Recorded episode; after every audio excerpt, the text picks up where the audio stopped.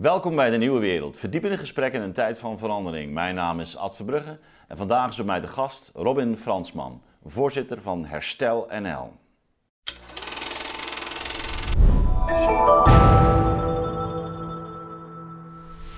Dag Robin, welkom. Hi. Je ziet er eh, gezond uit. Ja, ik heb even mogen zeilen rond het uh, schitterende Mallorca. Dus ik ben een beetje bruin geworden. Een Ja. beetje vitamine D, een boostershot uh, naar binnen gehaald. Ja, ja heel, heel, heel verstandig. Ehm, nou, er is veel eh, gebeurd ook eh, rond eh, Herstel NL Ja. eh, afgelopen jaar. Eh, hoe gaat het eh, eh, met jou en met jullie? Nou, we hebben, we hebben natuurlijk campagne gevoerd eh, tot en met de verkiezingen. Ja. Dat was natuurlijk altijd het idee. eh, hè, wij, wij, wij vonden, joh, die, die, die lockdown, dat coronabeleid, dat is de grootste herverdeling aller tijden. Meer geld, geluk en gezondheid is er nog nooit herverdeeld. Dus dat, ja, als dat niet politiek is, dan is niets meer politiek. Eh, dus dat was Ja. natuurlijk het doel. We moeten het politiek eh, maken. Ehm, nou, dat is natuurlijk nauwelijks gelukt. Ik kan niet anders zeggen. Ja. Ehm, dus toen hebben we besloten, joh, weet je, dus, eh, nu gaat die, dat, die vaccinatiecampagne gaat beginnen. Het was natuurlijk inmiddels eh, half maart, die vaccinatiecampagne gaat beginnen. En zolang iedereen denkt dat we er met die vaccinaties, dat, we, dat dat het weg naar de vrijheid is, dat dat de weg naar de normaliteit is, ja, dan heeft het gewoon geen zin om verder campagne te voeren. We moeten Mhm. gewoon afwachten hoe die vaccinatiecampagne gaat. Ja. Eh, dus wij hebben toen gezegd, ehm, eh, eind maart, eh, we, we, we, gaan echt de herstel niet opheffen. We blijven af en toe bij elkaar komen om de situatie te bespreken. Maar campagne technisch doen we even niks. Mhm. En we wachten gewoon af hoe het einde van het jaar, hoe het dan gaat. En dan, en dan gaan we op dat moment kijken wat we, ehm, wat we gaan doen. En daar zijn we nu mee bezig. Nou is eh, daar natuurlijk ook eh, de laatste tijd precies de discussie over eh, vlot getrokken. Zelfs in de Kamer zie je dat, dat het een debat is nu. wat is eigenlijk de effectiviteit van de vaccinaties? maar ook wa- wat is dus de rechtvaardiging van de, nieuwe maatregelen die, die worden ingesteld? Je ziet dat er toch een soort polarisatie optreedt tussen ongevaccineerden en, eh, eh, en gevaccineerden. Ja. Eh, hoe, hoe kijk jij eigenlijk naar deze hele ontwikkeling die dit jaar heeft plaatsgevonden? Nou ja, kijk, kijk, het probleem waar het natuurlijk allemaal begonnen is, is natuurlijk met die lockdown. En het probleem van lockdowns is natuurlijk is dat het eigenlijk niks oplost. Het beste wat een lockdown kan doen, als iedereen netjes gehoorzaamt en netjes luistert, is het beste wat een lockdown kan doen, is een beetje uitstel geven, een beetje tijd winnen. Zo werd het aanvankelijk ook even gepresenteerd. Ja, maar, maar uiteindelijk is, is ehm, kijk, als je, als, je, als je tijd wil winnen totdat iedereen een zekere natuurlijke immuniteit heeft eh, bereikt, ja, dan ben je tien jaar aan het lockdownen. eh, bij zo'n virus als dit. Dus de enige manier om uit een lockdown te komen, om terug naar normaliteit te gaan, is een geneesmiddel of een vaccin. Dus daarop is vol ingezet. En dan zie je natuurlijk dat als je ooit hebt gekozen voor een lockdown, of je hebt die keuze voor een lockdown eh, met, met de zwaard en de vuur verdedigd, of je nou politicus bent, of Kamerlid, of eh, journalist, of bestuurder, of burgemeester, of politieman. Weet je, zodra je hebt gezegd die lockdown is een goed idee, ja, dan, dan, dan moet je ook wel kiezen voor vaccinatie. En daarna moet je eigenlijk, weet je, dan is het logisch om te gaan voor verplichte vaccinatie. En als het dan niet lukt, dan is het logisch om daarna te kiezen voor een coronapaspoort. Want, op het moment dat je zegt, nou, vaccinatie is vrijwillig of coronapaspoort hoeft niet. Op het moment dat je dat zegt, dan zeg je misschien wel, en dat is natuurlijk gevaarlijk voor je reputatie, voor je eigen dunk. eh, dan zeg je misschien wel, joh, die lockdown, dat is eigenlijk een mislukking. Daar hebben we eigenlijk niks mee bereikt. En als dat zo is, dan weten we dat zo'n lockdown ook heel schadelijk is. En als je er dan geen gezondheidswinst meer hebt bereikt, ja, dan heb je dus alleen maar schade gedaan. Ja, la- la- En la- dat is, en dat Ja. is eigenlijk en dat is wat we zien. En, en dat, dat proces van padafhankelijkheid, waarbij mensen niet op de eigen schreden kunnen terugkeren, Mhm. dat zien we tot op de dag van vandaag. Want we weten vandaag dat die vaccins niet echt lekker werken. Ja. Ja, dus even, even um, om, om, jouw analyse helder te krijgen. Je zegt eigenlijk op het moment dat we die, eh, die lockdown eh, hebben ingezet, eh, dus dat is maart eh, 2020 geweest, zijn hebben we een, een, een, afslag genomen. Nu kan je natuurlijk zeggen, Ehm, ja, maar destijds was de druk op de IC's dermate groot dat er ook wel iets moest gebeuren in dat voorjaar. Hè? Dus dan kun je, Ehm, maar in ieder geval, uh, wat wel zo is, en ik denk dat je daar ook op, uh, terecht op wijst, is dat al heel snel het idee kwam: de enige oplossing die we hebben om lockdowns te voorkomen, uh, dat is het, het massaal eh, toedienen van vaccins. Ja. dat is eigenlijk vanaf de zomer, denk ik, 2020, zo voorjaar, eind voorjaar, zo zomer 2020 werd dat benadrukt. Ja. Um, en ja, vanaf dat moment uh, zie je ook heel het idee van moet het virus verslaan. Hè? Dat is de oorlog tegen het virus met een soort combinatie van nou, lockdown en uh, vaccins. En dan zou je ervan uh, kunnen bevrijden. Er zijn natuurlijk al vroeg kanttekeningen bij geplaatst. Ook Ja. hier, mensen als Theo Schetters hebben erop gewezen, maar ook Sam Brokken en zo. Dat er eigenlijk er overspannen verwachtingen waren van die... Uh, van die vaccinaties. Ja. Uh, dus al, al ruim, ik denk ja, een beetje een jaar geleden. Dat kon je ook zien bij de griepvaccinatie. Dat uh, dat, dat juist de, de, de groep die het het hardste nodig heeft, het minst goed wordt beschermd. Dat Ja. begint zich nu ook af te tekenen rond die vaccinatie. Dat juist de kwetsbaren, ze zeggen ze ook, ja, de mensen die nu worden opgenomen, die hebben onderliggend lijden. Dat, dat gold ook al voor corona vaak trouwens. Ja. Uh, maar jij zegt die padafhankelijkheid, dus waar de media in zitten, waar de politici in zitten, is er een waarin je eigenlijk niet kunt, ruiterlijk kunt toegeven van jongens, dit, ja, dit Ja. heeft eigenlijk niet Nee, gewerkt. Nee, en die padafhankelijkheid die heeft, die heeft zeg maar volgens mij die heeft, twee, die heeft twee belangrijke pilaren. De ene pilaar is gewoon de inhoud van beleid. Ja. Waarbij je zegt, hè, waarbij je als je inhoudelijk, zodra je echt kiest voor die lockdowns, met echt het idee, dit is een goed middel. Uh, ook op de langere termijn, ook meerdere malen. Als je, op het moment dat je dat vindt, hè, dat je die, die, die zero-covid-route een beetje ingaat, ja, dan is verplicht vaccineren, coronapaspoort, het ontnemen van burgerrechten, is allemaal een logisch gevolg. Weet je, dat een volgt gewoon logisch uit het andere. Ja, en, en de last wordt natuurlijk steeds zwaarder. Hè, want, wordt steeds want je hebt er miljarden in geïnvesteerd. Er zijn uh, bedrijven failliet, of in ieder geval mensen onder hoge spanning gekomen. Dus Ja, je, het nee, moet ergens precies. gerechtvaardigd worden. Economen en economen noemen dat eigenlijk de sunk cost fallacy. Hè? Dat je, je, hebt een, eh, je hebt eigenlijk een fout besluit genomen, maar je kan daar niet op terugkomen en dus worden de kosten alleen maar hoger. Ja. Maar dat is één, dat is de inhoud van beleid. Maar de tweede pilaar van die padafhankelijkheid is, je hebt ergens een keer als politicus of als journalist of als arts of als bestuurder, burgemeester, politieman, doet er verder niet toe, heb je een keer gezegd, gehoorzaamheid, dat is het belangrijkste. Het is crisis, we moeten gehoorzamen. Wie moeten we gehoorzamen? De experts. Welke experts? Alleen de experts die door de overheid benoemd zijn met een zekere Ja. waardigheid of bevoegdheid. En alleen die experts mogen we gehoorzamen. Dan is het natuurlijk heel moeilijk, hè, als, als, als je dat een jaar gedaan hebt. Ja. Wanneer ga je een keer zeggen, joh, ik weet niet of dat verstandig was. Misschien moeten we eens andere experts aan het woord laten. Weet je, ook, dat is een, ook daarin zit een zekere padafhankelijkheid. Zodra je hebt gekozen voor die lijn van, van gehoorzaamheid en we moeten ons verantwoordelijk gedragen. Hè, dat is natuurlijk het beroep dat op de hoofdredacteur is gedaan. We moeten ons verantwoordelijk gedragen en op redacties. We moeten geen paniek zaaien en we moeten denken aan wat, welk effect onze boodschap en onze, ons medium heeft op het volk en zo. Weet je, op het moment dat je dat paternalistische pad ingaat, waarbij je waarbij je niet meer een, een, een, een onafhankelijk medium bent, maar een herder. Ja, weet je, wanneer ga je daarmee stoppen? Want als je daarmee gaat stoppen, en dit is ook weer een padafhankelijkheid, dan zeg je eigenlijk, joh, wat we in het verleden hebben gedaan, was eigenlijk niet zo verstandig. Dus het is heel moeilijk om nu los te komen van, van, die, van dat inhoudelijke pad en dat gehoorzaamheidspad. En, en ja, daar zit iedereen in. Daar is iedereen aan gebonden. Althans iedereen, maar heel veel mensen. Ja. En Is- loskomen is dan heel lastig. Je, je zou kunnen zeggen dat is natuurlijk ook mede te wijten aan het feit dat men in dat vroege stadium eh, toch een, juist een, een hele sterke verbinding tussen politiek en wetenschap of experts heeft gecreëerd. Hè? Ja. Eh, want je had ook kunnen zeggen nou, dat, dat bijvoorbeeld zo'n OMT moet toch meer op afstand eh, blijven. Eh, de politiek moet heel veel duidelijker gewoon zijn eigen eh, afweging maken. Eventueel de ruimte hebben om te zeggen, nou we hebben ook nog die geraadpleegd. Of, eh, ze, ze, ze hebben bij wijze van spreken eh, hun, hun lot eh, heel erg opgehangen aan die ene groep. Ja. En waarmee eigenlijk die groep ten onrechte een soort politieke positie kreeg.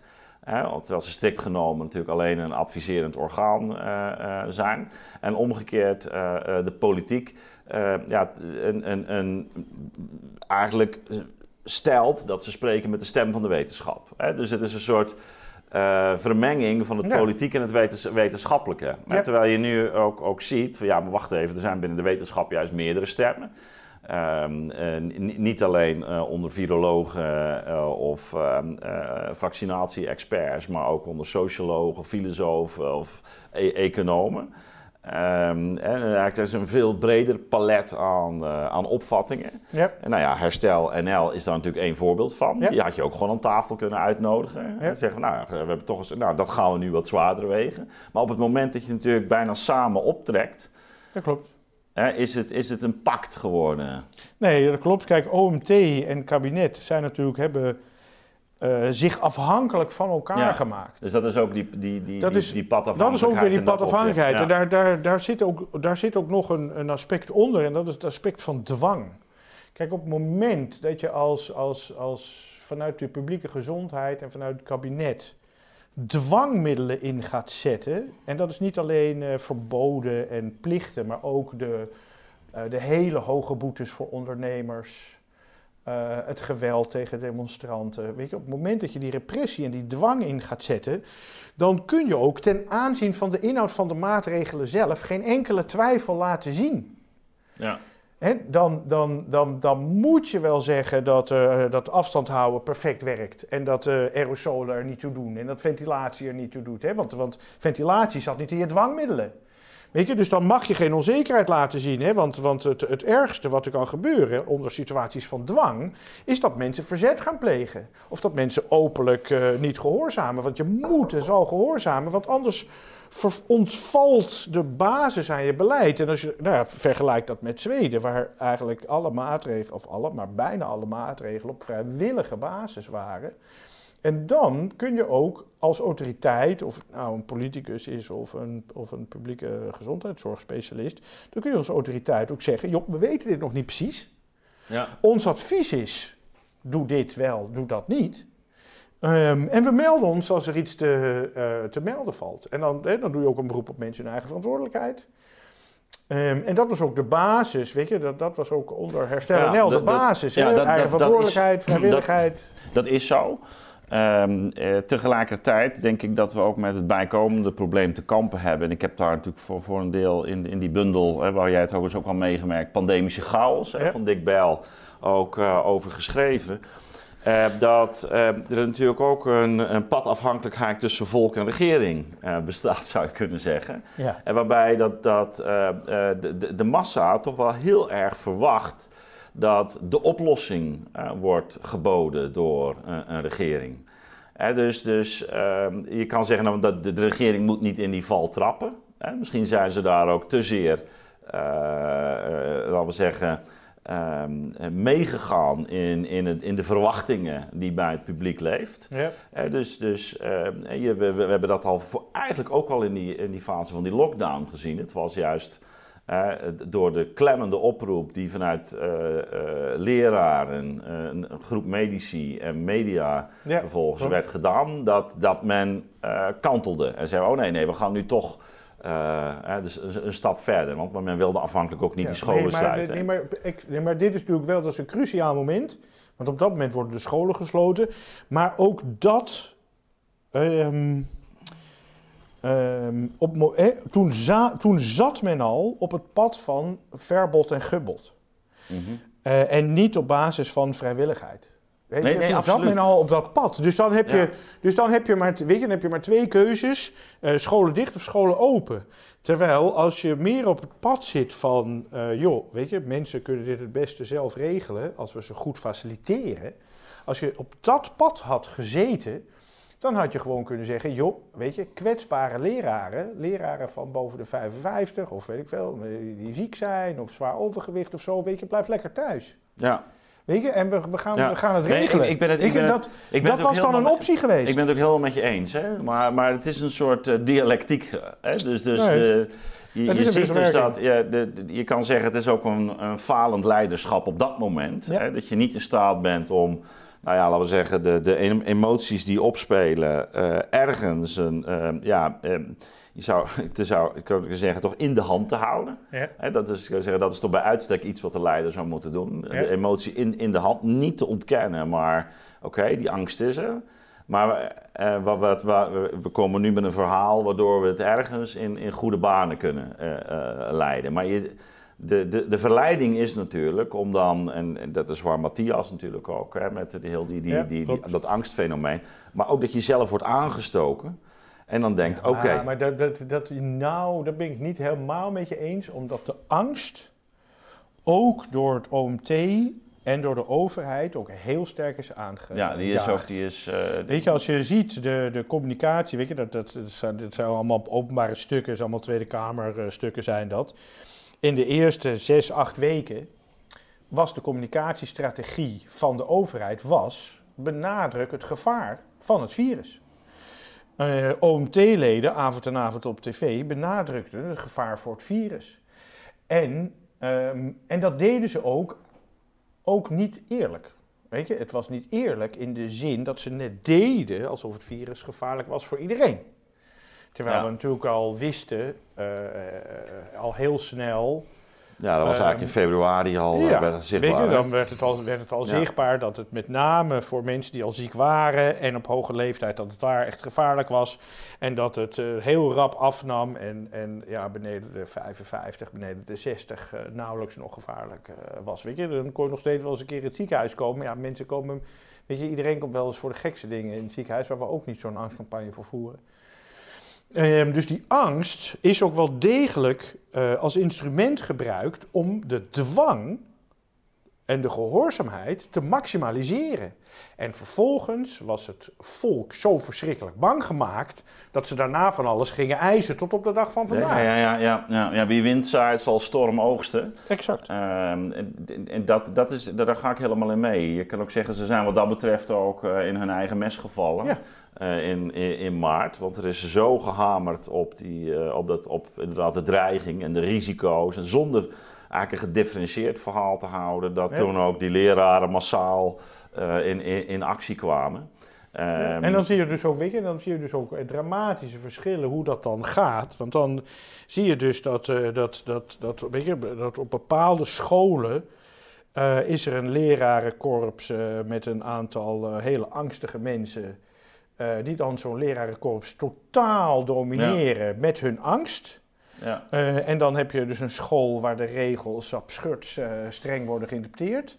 En een school daarnaast, ehm, waar leraren misschien wat minder angstig zijn. Waar de leer, waar de, Nee, er, zijn, er zijn En grote verschillen. Zijn grote geldt verschillen. We hebben hier ook aan tafel uh, inderdaad ook een, eh, een, eh, een schoolleider gehad. eh, die zei: nee hoor, we hebben het grootste gedeelte van de tijd gewoon eh, onderwijs eh, Precies. doorgegeven. En, maar die- hetzelfde die- geldt die voor zorginstellingen, voor Ja. ziekenhuizen, voor allerlei instellingen waar sommige mensen absurd streng waren en andere, en andere veel minder. En dat, dat, dat, ja, op sommige plekken is- heeft dat tot Maar het, het is natuurlijk, het is natuurlijk wel vast fascinerend. En het is denk ik altijd goed, ik, ik realiseer me dat nu ehm, eigenlijk des te meer dat eh, eh, wat er is gebeurd dus in dat voorjaar, eh, of in die winter eigenlijk van eh, twe- 2020, is toch al een stemming creëren die onder het volk eigenlijk die angst alleen maar heeft, heeft vergroot. Ja. Waardoor ze zelf ook eigenlijk maatregelen voor een deel moesten gaan nemen. Maar ook dat ja, eigenlijk in een soort spin terechtkwamen. Ja. Van een hele sterke, eh, eigenlijk bijna on-Nederlandse eh, eh, ja, benadering van, van, dat, van dat probleem. Ja. Ehm, en, en daar is natuurlijk ook het, zeg maar, een, een, een padafhankelijkheid ontstaan. Omdat je ja, middelen inzet die, die toch wel heel, vra- heel sterk vragen om een hele goede rechtvaardiging. Hè? En, Ja, eh, eh, omdat er bepaalde nou ja, grondwetten toch werden eh, Ja. opgeschort. De ja, bestaans veiligheid van mensen, althans laten we zeggen, in, in een, bijvoorbeeld in een economische zin, werd op het, op het spel gezet. En nou, er kwamen natuurlijk wel volop middelen die ter beschikking werden gesteld, maar, maar toch wat dat doet hè, met, met horeca-ondernemers en nou, dit is, dit, is, dit, is, dit is wat ik betoog in het laatste stuk. Hè. Ja, is, je hebt een stuk in het, blad van de ESB. Hè? Ik heb een stuk geschreven in, in ESB hè, van, van, van hoe gaan we nou straks dat coronabeleid evalueren. En, en wat ik eigenlijk zeg is, uh, joh, je moet natuurlijk beginnen bij een of ander toetsingskader. Waar moeten we het coronabeleid eigenlijk aan toetsen? Want zoals je terecht zegt, we hebben hele extreme maatregelen genomen. We hebben mensen hun vrijheid en grondrechten afgenomen. En op zich kan dat prima te rechtvaardigen zijn. Ja. maar nood breekt wet. Iets in die sfeer. Dus dan moet je je afvragen, was er nou een, een dreiging die zo acuut en zo groot en zo alomvattend was, zo existentieel voor de samenleving, dat je mensen hun vrijheid en, en grondrechten mag afnemen? En dan, en dat is natuurlijk maar de vraag. Hè? Ja, en ik, ik, zou, ik zou er nog wel iets aan willen toevoegen. En uh, als we zien dat dat op een bepaald moment uh, nodig is. Ja en uh, nou, denk aan de situatie van uh, de, de, de IC's in het uh, voorjaar van 2020. Ja. En als we zien dat dat dus dan onvermijdelijk is, wat gaan wij vervolgens dan doen om te voorkomen in de toekomst dat dat niet meer nodig is? Want dit is als samenleving, dit zijn de pijlers. Ja. Dit zijn de pijlers waarop, waarop onze orde gebouwd is. Ja, nou, dat is een interessante. Zelfs als de IC overloopt, hè, want je moet die vraag nog wel even heel expliciet maken. Ehm, de, de, de kans om op die C te komen na een coronabesmetting is iets van 0,3 uh, procent. Ehm, zegt in ieder geval het RIVM. Um, ja, dat betekent dus, dat betekent dus over 99, hè? Ja, over het ja, Onder de 70 zal het een stuk lager zijn. Dus 99,7% niet. Nou loopt de IC over. Alternatieven voor een lockdown zijn, nou, we doen de IC gewoon dicht voor coronapatiënten. Gewoon, er wordt geen coronapatiënten meer toegelaten op de IC. Dat zou je kunnen zeggen. Je zou het ook kunnen rechtvaardigen uh, in de zin van, joh, um, uh, we gaan gewoon uh, mensen die, die, die, die kwetsbaar zijn voor corona, die moeten gewoon goed afstand houden en mondkapjes dragen en lekker thuis blijven. En we gaan ze daar ook goed in faciliteren. Dus we zorgen voor een goede uitkering, we doen de boodschappen, we, doen, we laten de hond uit, we zorgen de schoonmaak. Mm. Weet we gaan voor die kwetsbare groep gaan we alles doen zodat ze ook zichzelf kunnen beschermen. zou je kunnen zeggen. Um, ja, maar de, de, de, de, IC niet toegankelijk maken, dat is dan wel een hele drastische nee, stap. Nee, maar als er, als er schaarste is, weet je, dat, dan, dan is het gewoon een feit dat er schaarste is. Weet je, het alternatief is natuurlijk, is dat wat we natuurlijk, wat we natuurlijk gedaan hebben, is dat je het aan de individuele IC-arts laat, die bepaalt, joh, jij wel en jij niet. Maar wat hebben de, wat hebben de IC-artsen gezegd? Die zeggen, hebben gezegd, ja, wij willen dat besluit eigenlijk niet nemen. Je moet dat besluit niet bij ons leggen. Dat soort mm. leven- en doodbeslissingen onder pandemische omstandigheden, die horen niet bij artsen. Mm. Dat is een politiek vraagstuk. En dus hebben de, heeft de medische wetenschap of de, de, de, de bestuurders, die hebben gezegd tegen de politiek, joh, wij willen geen code zwart. Politiek gaat maar eens weer regelen. En dit jaar opnieuw, bij dit mhm. seizoen, hebben IC-artsen, en zeker Armand Gerbers, heeft opnieuw gezegd, joh, wij willen geen code zwart toepassen. Ja. Als de overheid, de overheid heeft twee mogelijkheden. Of we mhm. doen een nieuwe lockdown. Of de overheid vertelt ons welke keuze wij moeten maken over wie we wel en niet toelaten op die zee. Mhm. Dus, dus dat is het alternatief. En ik op zich kan ik, ik heb allerlei, ik heb echt respect voor als mensen zeggen, joh, ik vind uh, mensen niet toelaten op de IC, vind ik onacceptabel en dus wil ik een lockdown. Mhm. Weet je, als je dat zegt, dan kunnen we een goed gesprek houden over tot hoeveel gezondheidsschade zo'n lockdown leidt. Op korte en lange termijn. Ehm, maar wat we nu eigenlijk doen, is dat we eigenlijk het fundamentele gesprek over toegang tot de IC niet voeren. Dat als, uh, maar gewoon even mm. aannemen. Overlopende IC's vinden wij onacceptabel, daar gaan we verder niet over praten en dus een lockdown. Ja. En, ja. Nou, dat, nou, nou is denk ik in de, in de praktijk is het wel zo, en dat hoor je toch ook, hè, dat uh, wanneer uh, uh, ouderen en die, die met onderliggend lijden, bijvoorbeeld in verpleegtehuizen, ja. zwaar corona krijgen. Nee, die wordt niet opgenomen. Nee, dat er in heel veel gevallen toch gewoon al wordt besloten om die niet op, op Boven de 80 kom je niet meer dat, op Dat is anders in, in, in, in bijvoorbeeld een land als Duitsland, ja. waar iedereen het recht heeft om te sterven op een IC. In Nederland zie je dat, dat, dat een beleid, en ik denk dat dat ook wel verstandig is, omdat men weet uh, hoe die mensen er ook vanaf komen uh, ja, van zo'n IC. Uh, dus, dus ik denk dat de facto dat het wel in de praktijk dus, dus gebeurt.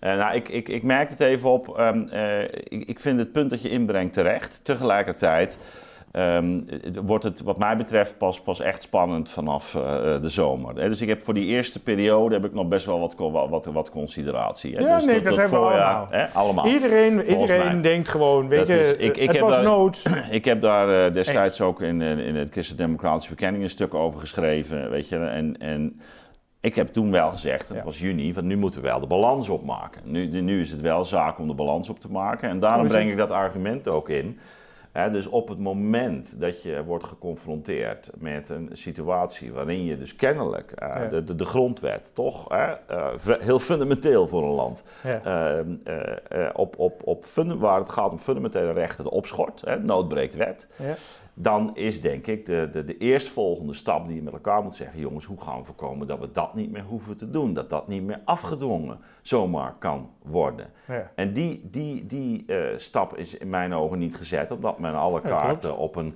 Uh, zegt, nou, we, we hebben het mhm. vaccin, hè, maar we hebben zelfs die zomer niet de, de, de, de, de capaciteit bijvoorbeeld van de IC's uitgebreid. Hè. Nee, we, hebben veel, we hebben veel eenvoudiger dingen niet gedaan. We hebben niet een massaal sportbeweging ingezet. We hebben mensen geen vitamine D gegeven. Ja. We hebben nauwelijks onderzoek gedaan naar uh, mogelijke medicijnen. Nee. Uh, in, de, in, de, in de eerste lijn. Er waren ideeën voor uh, aparte coronaziekenhuizen. Ja. Er, er waren massa's mogelijkheden om te verkennen in de zomer van 2020. Sterker nog, er heeft bij het kabinet een, uh, ook een beleidspakket op tafel uh, ge, uh, gelegen. Dat heet het quarantainepakket. En dat was een pakket aan maatregelen om mensen beter te faciliteren om zichzelf te beschermen. Zodat mensen niet geconfronteerd hoeven te worden met in één huis wonen met mensen met een coronabesmetting. Ja. Weet je, ik ben kwetsbaar, mijn kind heeft corona en maar ik ben gedwongen om in hetzelfde huis te blijven wonen. Um, en dat heeft bij het kabinet op tafel gelegen en dat vond men allemaal maar te ingewikkeld in de uitvoering. Dus, dus, dus, dus dat, die, die belofte van het vaccin heeft ook een heleboel. Nou, het heeft luiheid met zich meegebracht. Ja, dat is. Uh, ja. Maar ja. ook. Het punt natuurlijk van het vaccin is. De, de, de, de belofte van het vaccin heeft ook allerlei andere medische mogelijkheden. En ik zeg niet dat ze werken, dat is natuurlijk mijn vak niet, hè, maar weet je, we hebben, we hebben, we doen, we hebben allerlei de meest gekste dingen gedaan waarvan het bewijs zwak was. Hè. Weet je, ja. die plexiglas dingen overal en uh, mondkapjes in de buitenlucht en allemaal andere bullshit. Weet je, dus als we dat allemaal proberen, dan hadden we ook uh, vitamine D kunnen proberen. En meer sport en meer beweging en, ja, en nee, ivermectine. Nee, je weet, weet veel wat he, helemaal mee eens. Hè. Dat bedoel, we hebben het hier aan tafel er ook, uh, ook vaak over gehad. Het is wel ergens onbegrijpelijk dat je niet naar de kern van het probleem gaat en om, om die, die immuniteit gaat versterken. Ja. En alles wat daarvoor nodig is. Ik bedoel, het is evident dat dat um, een beslissende factor is in, ja. in hoe het, uh, de, heel die, deze besmetting Precies. gaat verlopen. Dus ja.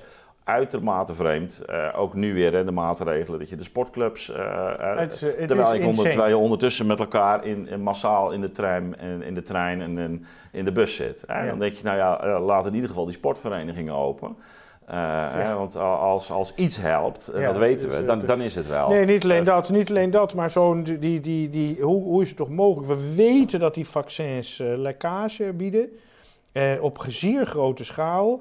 En dan gaan we nu jonge mensen, van wie de kans op dat ze op die zee komen nagenoeg nul is, die gaan we dan de toegang tot de sportschool ontzetten. Nee, dan hebben we daarom. Dat is, je, dat, dat is Ja, ik zag Absurd. trouwens ook de recente cijfers, heb jij waarsch- waarschijnlijk ook al gezien, dat je bij, ehm, ja, eh, als je kijkt naar het besmettingsverloop, blijkt Ja. dat ouderen vooral ouderen besmetten. Dus dat, dus dat eigenlijk, er is, er is geloof ik één leeftijdsgroep, dat is de, de, de kinderen van 10 eh, tot 10, 11 jaar, die, besmet, die besmetten eh, eh, mensen van eh, Ja, hun eh, ouders. dat- eh, hun ouders. Ja. Dus het is Maar die zijn 39. meestal in de Hè? 40, dus Dus het gaat ook allemaal goed. dus dat gaat ook allemaal goed. Maar eh, juist als je naar die zwakkere groepen gaat, dan blijkt dus dat de, de, de onderlinge besmetting eigenlijk het hoogst is. Ja, dat klopt. En ehm, dus de, de, de, mensen van, laten we pak, pak een beetje van Ja, maar wij 70 weten, plus. weet je, de- dit is hetzelfde als. Kijk, dit is hetzelfde waarom lockdowns eh, contraproductief werken. En dat is ook waarom het in Zweden zoveel beter gaat. Het sociale leven van een twintiger is ongeveer tien keer zo groot als het sociale leven van een zeventiger. Ja. Weet je, want zo'n zo'n zo'n zo- zo'n twintiger die heeft sport, die heeft studie, die heeft werk, die heeft clubs, Ja. die heeft uitgaan, vrienden, Ja. feestjes. En dat, en dat snij je nu af. Hè. En die zeventiger, weet je, die heeft familie en de, die werkt niet meer en die studeert niet meer. Dus die, weet je, die heeft eh, familie en de Brits Club of zo. Hè. Dus, dus, en we kunnen dat ook goed in kaart brengen. Dat is, on- dat is een verhouding van ongeveer 100 tot 10. Dus wat gebeurt er nou bij een lockdown? Bij een lockdown gaat deze, weet je, die verliest de Brits Club, maar die ziet nog wel zijn familie, dus die gaat van 10 naar 8 of zo. Maar deze, die jongere, die begint met 100, die gaat van 100 naar 15 of zo. Hè? Ja. Dus het offer, het sociale offer is hier tien keer zo groot. Tien ja. keer zo groot. Ja. Maar vervolgens, ehm, het virus gaat minder rond. Maar het gaat hier, gaat het van 10 naar 8, hè? Dus het gaat hier 20% minder rond. Hier Ja. gaat het 85% minder rond. Maar hier is waar je het virus eigenlijk wel rond zou willen laten gaan. Want Precies. hier moeten mensen immuniteit opbouwen. Dus wat je ziet, en dit is gemodelleerd door eh, Federico Lois, een eh, wiskundige uit Argentinië. Ehm, en die laat dus gewoon zien dat, dat weet je, op, op, op, op korte termijn is het uitstel hè, van zo'n lockdown. Maar op lange termijn leidt dit fenomeen ertoe dat er uiteindelijk meer ouderen doodgaan. Nou, ja, en, dat, en dat is precies het succes van Zweden. Nou, en, en tot op de dag van vandaag, ehm, gegeven al die padafhankelijkheid, wil men daar eigenlijk niet naar kijken. Eh, even, voor- even voor de duidelijkheid. eh, Zweden heeft natuurlijk wel ook, eh, net als wij overigens, een enorm hoog eh, sterftecijfer laten zien in, in de verpleeghuizen. Ja. dat is, nou weten we dat die mensen daar doorgaans eh, gemiddeld negen maanden eh, verblijven. Dus Ja. dat moeten we ook niet dramatiseren. Ik bedoel, hoe erg het ook is. En Ja. niemand wil zijn, eh, zijn ouders daaraan verliezen natuurlijk. Maar je moet het wel in perspectief zien. Dus dat heeft een relatief weinig winst opgebracht eh, wanneer die daar laten we zeggen, een aantal maanden rekt. Maar toch, eh, het heeft op die en in die verpleeghuizen enorm toegeslagen. Ja. Dat geldt ook voor Zweden. Dat hebben ze ook later ook Ja, ruiterlijk toegeleefd.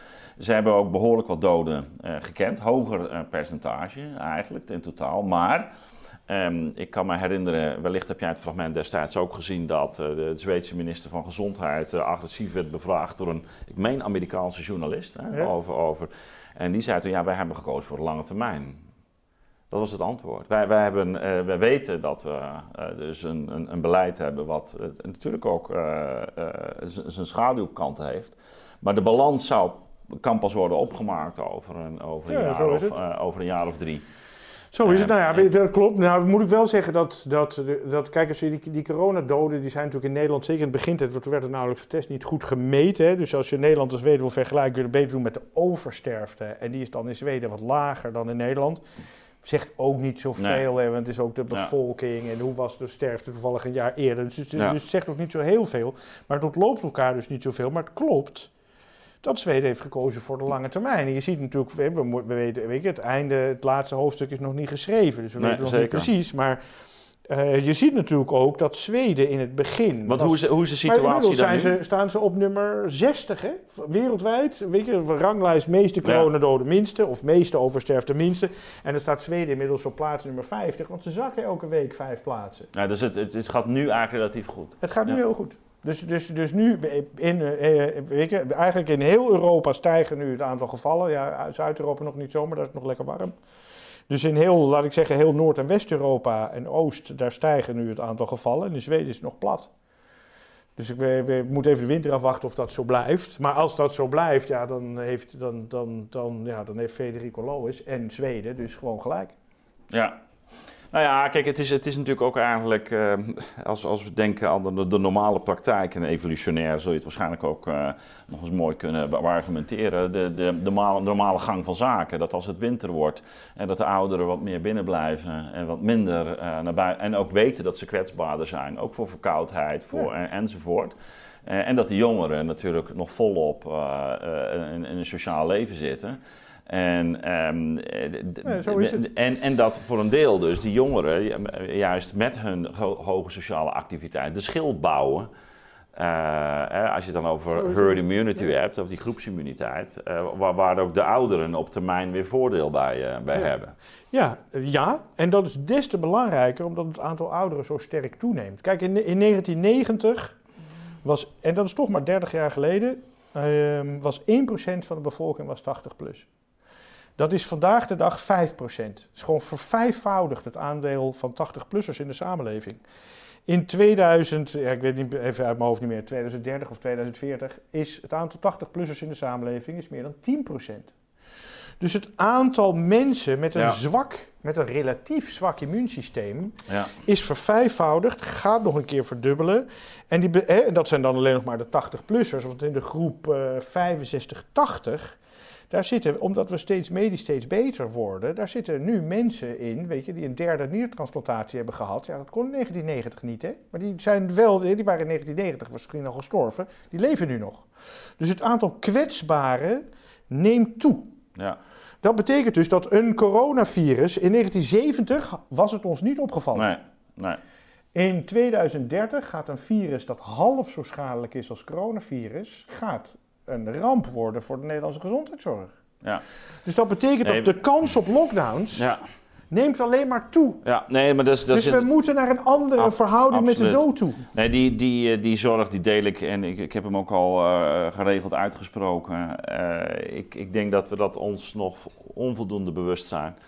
Uh, dat wanneer je nu op deze manier met deze epidemie omgaat uh, en zo gemakkelijk aantal grondrechten opschuift. Wat gaat dat betekenen ja. uh, voor de toekomst bij een vergrijzende bevolking met een toename ook van chronische ziekten? Ja. Uh, dus het aantal ook gevallen van obesitas, maar ook ehm, diabetes, dat neemt na van aan toe. We weten ja. dat zijn de kwetsbare groepen.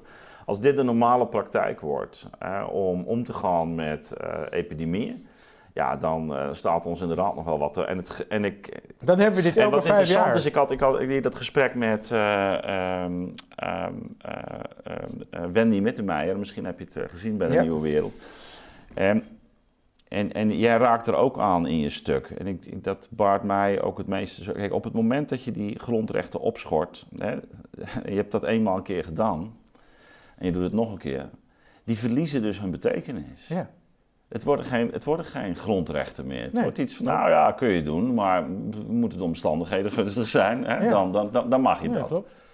En dat is een soort omkering van de betekenis. Nee, maar wat we dus gaan doen, ja, ik heb natuurlijk van jou gestolen de term, de, de, de intensieve menshouderij. Maar we gaan natuurlijk met, met mensen doen wat we met vee doen. Ja, zeker. met vee uh, spuiten we ook in met absurde hoeveelheden antibiotica.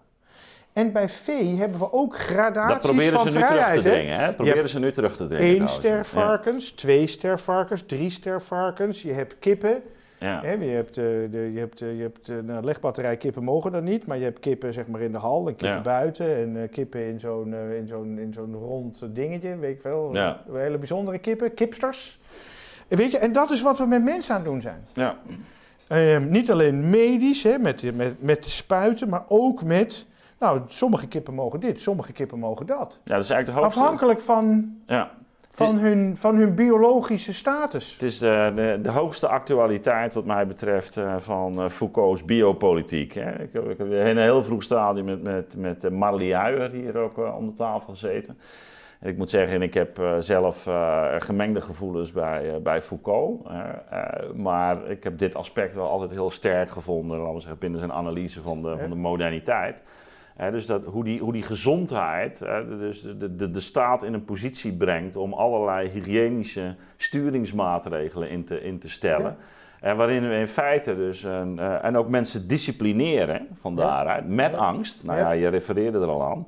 Uh, op een manier dat je inderdaad ziet dat daar een, um, een, een, een, eigenlijk dat we onze eigen gevangenis bouwen. Nee, dat klopt. nee, maar er wordt nu al gesproken over een gecombineerde uh, Moderna is ermee bezig. Hè? Gecombineerde vaccinatie voor influenza, corona en RSV. Allemaal gebaseerd op die nieuwe mRNA-technologie. Um, ja, en zo kun je natuurlijk veel verder gaan. Hè? Waarom zou je niet een schimmelvoettest doen voordat je wordt toegelaten in het zwembad? Kan ook op je coronapaspoort. Ja. Weet je, en het punt is natuurlijk, als je daar naartoe wil. Want ik kan mij best, weet je, het punt is, ik kan mij best voorstellen dat je uh, echt wel een, een pleidooi kan houden voor intensieve menshouderij. Ik kan me best voorstellen dat je daar een pleidooi voor houdt, omdat je echt denkt dat we daarmee maximaal geluk maximaal welzijn en welvaart kunnen bereiken langs die route. Um, weet je, waarbij je inderdaad uh, als overheid mensen gaat micromanagen en, en, en uh, daarin, uh, zeker voor besmettelijke ziekten, daarin ook ingrijpt in hoeverre je als mens je dat mag bewegen binnen andere mensen. Weet je, daar, daar kun je best een pleidooi voor maar laten we dan, weet je, dat moet niet onder deze hoge druk uh, zomaar worden uh, ingevoerd aan de hand van een pandemie. Als we dat echt willen, dan moeten we, dat, ja. dan moeten we daar heel goed over nadenken en een goed debat over voeren. Nou ja, ik, ik had hier, uh, ik, misschien inmiddels alweer een jaar, ruim een jaar geleden, Barbara Baarsma, ja. die jij ook goed kent. Ja. Op bezoek. En dat, dat, ging, um, het gesprek ging onder andere over um, nou ja, de, de, de noodzakelijke veranderingen die binnen de landbouw ook nodig zijn. En um, nou kun je daar op, op allerlei manieren tegenaan kijken. Wat mij in de voorbereiding van dat gesprek, maar ook tijdens dat gesprek ook, ook trof, hè, hoe zij er toch heel uitdrukkelijk op wees, dat er sprake is van een enorme verschraling van um, allerlei landbouwproducten. de broccoli die eigenlijk nog maar 20% van zijn oorspronkelijke voedingswaarde heeft, wat te maken heeft met Um, de, het tempo waarin uh, die gewassen worden gekweekt, de, de eenzijdigheid waar, waarmee dat gebeurt. En waardoor je ook, daar heb je natuurlijk intensieve landbouw. En waardoor je eigenlijk ziet dat die, dat die hun, hun, ja, ook, ook hun gezondheidskracht, ze zijn eigenlijk niet meer zo gezond. Um, nu kwam ik recent een notie tegen die daarop aansluit. Hè? Dus is even ook, ik ben benieuwd hoe jij daar tegenaan kijkt. En dat is een, in Amerika eigenlijk een, um, een, een debat wat al enige jaren um, nu uh, gevoerd wordt, waarin sprake is van de dysbiosis. En, en, dat betekent eigenlijk dat uh, naarmate uh, mensen, dieren, gewassen, het gaat dus ja. in toenemende mate in kunstmatige omgevingen verkeren. Dat betekent uh, omgevingen die uh, uh, niet organisch zijn ontstaan, maar waarin de mens heeft geïnterveneerd. Ja. Om, met, om met Marx te spreken, overal waar de mens waarde toevoegt, dan zit daar, daar, daar, dat drukt hij zijn stempel van arbeid erop. Hè? Ja. Dus, dus overal waar eigenlijk arbeid van mensen zichtbaar is. Via machines of echt, echt letterlijk met de handen. Um, maar op een specifieke manier, zo dat je het organische eigenlijk verstoort en daarin de plaats, en dat is typisch moderniteit, naar optimalisatie toe wil. dus het moet sneller groeien. Het moet, dus je gaat eigenlijk iets uit zijn organische verband halen. Ja. of dat nou de tomaten zijn die je kweekt, eh, of het nou de dieren zijn die je kweekt. En, en je zegt het moet sneller groeien. Het moet, uh, we gaan uh, bijvoorbeeld stikstof toedienen. we ja. gaan alles op één stuk land zetten, want dan is het veel makkelijker te oogsten. Nou, ze hebben daar eigenlijk heel uitvoerig onderzoek naar gedaan. En hoe meer je dus, de, de, dus de, die zaken uit hun organische verband haalt, en hoe meer je gaat zien dat dat allerlei neveneffecten oproept. Dus eigenlijk uh, bijvoorbeeld uh, het toename van ziekte, het uh, toename ja. van ja, eigenlijk verstorende factoren, waardoor je die op langere termijn eigenlijk die opbrengst helemaal niet positief is. Dus, ja, dus nou, zij, zij zeggen dat is eigenlijk een, een, aanduiding van dat het moderniteitsdenken, maar ook ons efficiency denken, wat vaak heel eenzijdig is. En waarin, en waarin we niet het proces, de embedding van, van die organismen meenemen, ja. die leiden eigenlijk tot een verzwakking van het systeem. Dus, en dat is, noemen ze dysbiosis. Dus, dus dat het, het leven als het ware in toenemende mate in kunstmatige omgevingen gaat verkeren. En ik denk dat als je dus van daaruit gaat kijken, nou we hebben het nu allemaal over ecologie. Hè? Ja. En dan zou je zeggen, ja, maar wat we nu doen is volstrekt onecologisch. Ook in onze reactie op de, op de, op de pandemie. Ja, denk maar aan die 70 miljard mondkapjes uh, die de oceaan drijven. Maar ook als je het dus hebt over gezonde voeding, als je het hebt over eh, gezonde beweging. En dan zou dus, dus ik heb wel iets met eh, tegen de intensieve menshouderij, omdat het denk ik. Ja, um, dat zou heel goed kunnen. Omdat, het, omdat wij een, een heel beperkt levensbegrip hebben. Nee, dat ben, nou, maar dat is precies het debat wat we moeten voeren. Dat is in ieder geval dat is het debat dit, is het, dit is het debat wat we moeten voeren. Kijk, we moeten het debat voeren over kwaliteit van leven of kwantiteit van leven. Ja. Weet je, het feit dat we, dat we, dat we zeg maar mensen, we kunnen ze steeds ouder laten worden, maar de kwaliteit van leven neemt enorm rap af. Dus mensen hebben een heel slecht leven, maar ze worden wel 91. Ehm, ik denk dat dat een. Weet je, je hebt dus gewoon een soort wet op de behoud van de kwaliteit van leven. En de, de hoeveelheid kwaliteit van leven, die neemt gewoon niet echt toe als je langer leeft. Mensen leven wel langer, maar niet beter. Dus ik, ik denk wat dat betreft, weet je, dus dat, dat zou je, eh, dat, past in wat jij net vertelt. Ik denk dat Taleb zou het waarschijnlijk fragiliteit uh, noemen. Mm -hmm. er, zijn natuurlijk wel theorieën over dat, eh, dat, dat de, de, een overschot aan hygiëne leidt tot allerlei dat is, dat is hetzelfde, hè? Dat is, hetzelfde. hetzelfde fenomeen. Dat is hetzelfde fenomeen. Dus overal, dus, en dat is ook letterlijk. Dus je ziet zeg maar in, in Maar hetzelfde, geldt natuurlijk, hetzelfde geldt natuurlijk voor, neem nou de overbelasting van de zorg. Op het moment dat jij een, een steeds groter wordende voorraad van kwetsbare ouderen kweekt, dan, dan kweek je als zorg je eigen overbelasting. Hm. En dus we moeten, daarom zeg ik, we moeten naar een andere verhouding met overlijden, met de dood. We moeten individueel, maar ook collectief overlijden en de dood zien. Eén, als randvoorwaardelijk voor het leven. Ja. En twee, de dood als een vorm van genade. Ehm, als een, een goede dood, als een positief einde van een mooi leven. En juist die eindeloze uitstel. Nou ja, dit is, dit is natuurlijk in de kern is dit dan een. Maakt dit, dit, dit, is natuurlijk in de kern een spiritueel vraagstuk. Hè? Ja. want het, het, betekent eigenlijk dat, dat de vraag naar leven en dood, eh, daarmee naar de eindigheid aan de, aan, aan, aan de orde is. Ja. En wat jij zegt is wel, dat is wel fascinerend dus um, het is een van die, uh, die, die, die, of die onderzoekingen die ook gedaan worden. Het blijkt dus hoe, meer, hoe minder jij met levende natuur in aanraking bent. Ja. dus hoe kwetsbaarder je wordt. Dus je hebt eigenlijk die katten, die beesten, die planten, die aarde, eh, die heb je nodig. Want hoe meer, hoe kunstmatiger die omgeving wordt, hoe slechter hoe je kwetsbaarder je wordt. Hoe kwetsbaarder je wordt. Ja, en, uh, en, en daarmee uh, hebben zij dus juist een pleidooi voor uh, ja, die, die meer dat organische bestaan, vroeten in de aarde. Ja, onder andere. Maar, en, en wat je zegt, dus een, een, een hyperhygiëne leidt uiteindelijk tot ziekelijkheid. Wij hebben nou, we, weten, we weten gewoon uit de medische wereld, we weten nu dat, dat overmatig medicijngebruik is, is nu de derde overlijdensoorzaak. Ja. Weet je, dus je hebt kanker en dan hart en dan uh, op drie is medicijnen. En als je gewoon, weet ik, weet niet, uh, als, je, als je kijkt naar wat ouderen aan medicijnen slikken, wat hoe dat natuurlijk gaat, is je bent 70, je hebt een dingetje, je gaat naar de dokter, je krijgt een pilletje, weet je, voor je cholesterol ja. of voor je bloeddruk of voor uh, voor, de, de, voor de dikte van je bloed of, of voor het zoutgehalte of voor uh, hoe of je nieren goed werken. En, je, uh, je, en, je, en op een gegeven moment ben je, ben je, kijk je tien jaar later en je, hebt gewoon, je bent elke dag een apotheek aan het slikken.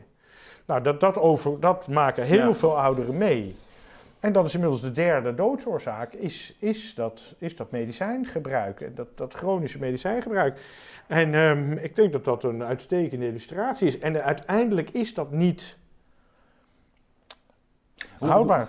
Um, um, afsluitend Robin, hè? dus jij hebt uh, al eigenlijk gepleit dus voor een, voor een toetsingskader. Ja. Nou, uh, er worden her en der eh, in Europa nu al soort eerste evaluaties uh, gemaakt. Maar de vraag is vanuit wat voor perspectief. Hè? Je ziet ja. dat daar heel sterk ook een soort kwantitatief van hadden er minder doden kunnen vallen. Of, ja. dus, dus niet die, de, laten we zeggen, de meer ja, normatieve lange termijnvisie die, die wordt, uh, nee, wordt, dus, gehanteerd. Nee, de, kijk, we moeten echt goed gaan evalueren. En we hebben nu drie evaluaties gezien, althans, ik veel, uh, tweeënhalf. We hebben de evaluatie gezien van een Engelse parlementaire commissie. We hebben de eerste helft gezien van een Zweedse onderzoekscommissie. En we hebben een soort evaluatie in Nederland gezien van Nieuwsuur. Ja. Maar kijk, je moet natuurlijk beginnen bij de vraag: wat is mijn toetsingskader? Oké, ik ga evalueren. Dat betekent of ik iets goed of slecht vind, of iets ertussenin. Hoe bepaal ik dat eigenlijk? Ja. En wat je natuurlijk ziet, dat doet Nieuwsuur, dat doet die Engelse commissie en dat doet die Zweedse commissie, is dat ze kijken naar, joh, hoeveel doden zijn er eigenlijk gevallen? Ja, nou ja, dat precies. Dat maar is, En dat is natuurlijk veel te eenzijdig. Ja. je moet op zijn minst kijken hoeveel gezondheidswinst heb ik, heb ik bereikt. En hoeveel gezondheidsschade heb ik veroorzaakt? En dan moet je ja. proberen rekensom uh, van te maken. En dan heb je het alleen nog maar over gezondheid. Hè? Maar je hebt natuurlijk ook nog economische en sociale aspecten en mentale aspecten. Weet je, ik bedoel, uh, als, als we het leven redden van één tachtiger, ja, hoeveel depressieve jongeren is dat je waard? Ja. Weet je, en hoe lang mogen die depressies dan duren? Hoeveel leerachterstanden bij, bij kinderen van 15 uh, zijn gerechtvaardigd om het leven van een 80-jarige te redden. dus, dus die evaluaties, uh, die moeten echt veel beter Precies, en, en hoe ga je volgens in kaart brengen hoe dat 20, 30, misschien 40 jaar gaat doorwerken? Hè? Dus om, dat is natuurlijk... Uh, het is zelfs al de vraag of je, of je het kunt kwantificeren. Nee, natuurlijk niet, kun je, hè, want het, het, hangt maar af van het, inderdaad het criterium en hoe ga je het wegen. Ja. Um, nou, we weten ook natuurlijk dat... daar, we, daar hadden we vroeger een oplossing voor, hè? Kijk, we hadden, vroeger zeiden we, joh, er zijn allerlei dingen die we niet kunnen kwantificeren. En er zijn allerlei dingen die we niet kunnen meten. En, en omdat we dat niet kunnen, kunnen we het dus niet collectief bepalen. Dus moet de overheid niet van alles voorschrijven. Weet je wat we doen? We geven mensen vrijheid. Dan kunnen ze het zelf bepalen. Want ik kan niet bepalen of uh, het risico van autorijden voor jou wel of niet. Uh, hè? Dat bepaal je zelf. Ja. En dat, moeten we, en dat moet je dus met ja, coronabeleid... En welke, en welke waarde dat heeft. Precies. welke, welke waarde, welke waarde heeft. heeft dat, dat dus, jij geschoold bent, goed geschoold bent. Dus dat moet je met coronabeleid moet je natuurlijk ook proberen... om mensen zoveel mogelijk eigen vrijheid, eigen verantwoordelijkheid... mensen daarin faciliteren. Want alleen mensen individueel kunnen die risico-rendementsverhouding... het beste voor zichzelf wegen. Nou ja, en, en inderdaad ook. De vraag is hoeveel, hoeveel uh, waarde je ook toekent.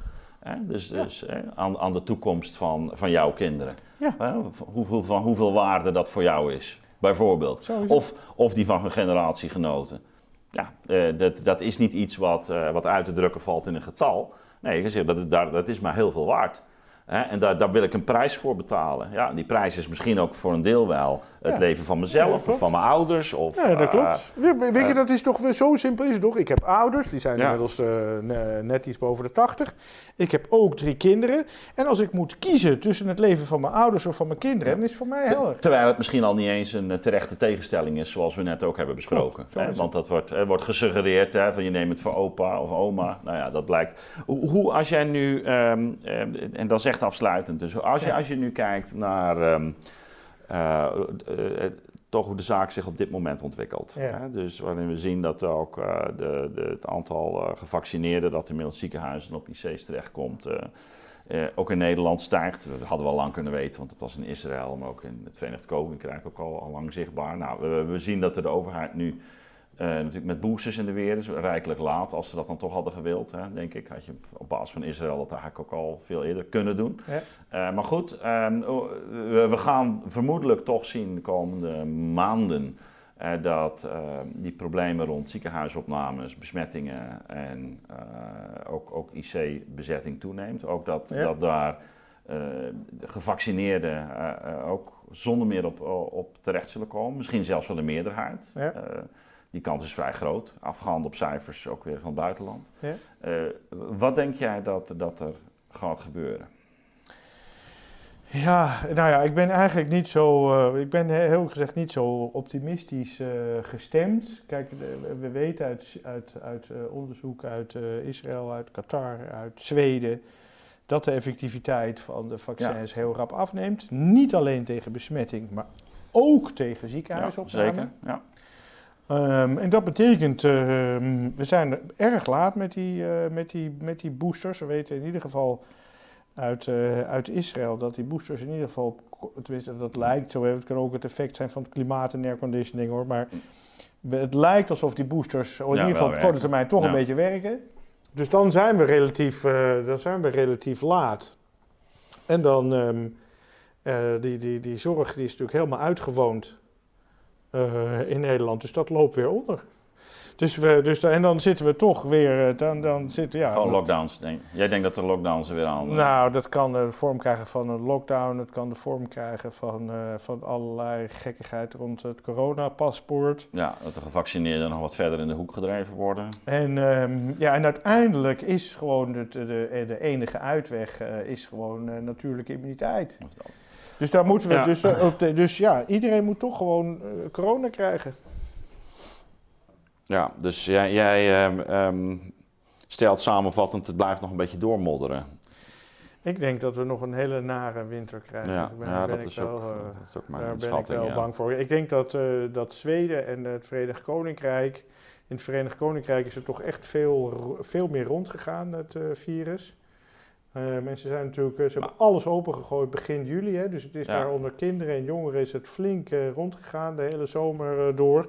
Dus in het Verenigd Koninkrijk en in Ah, Zweden die hebben ook al ze... behoorlijke pieken gehad. Hè? Ja, De- ook met dus- besmettingen, precies. ook op IC's. Ik bedoel, daar, daar overlijden meer dan 200 mensen per dag eh, op dit moment. Dus, maar die zijn wel aan het dalen, denk ik. Ja, nee, dus, uh, dus Verenigd Koninkrijk en Zweden hebben de kans uh, om die natuurlijke, voldoende natuurlijke immuniteit te bereiken of al bereikt hebben. Dus daar zou het.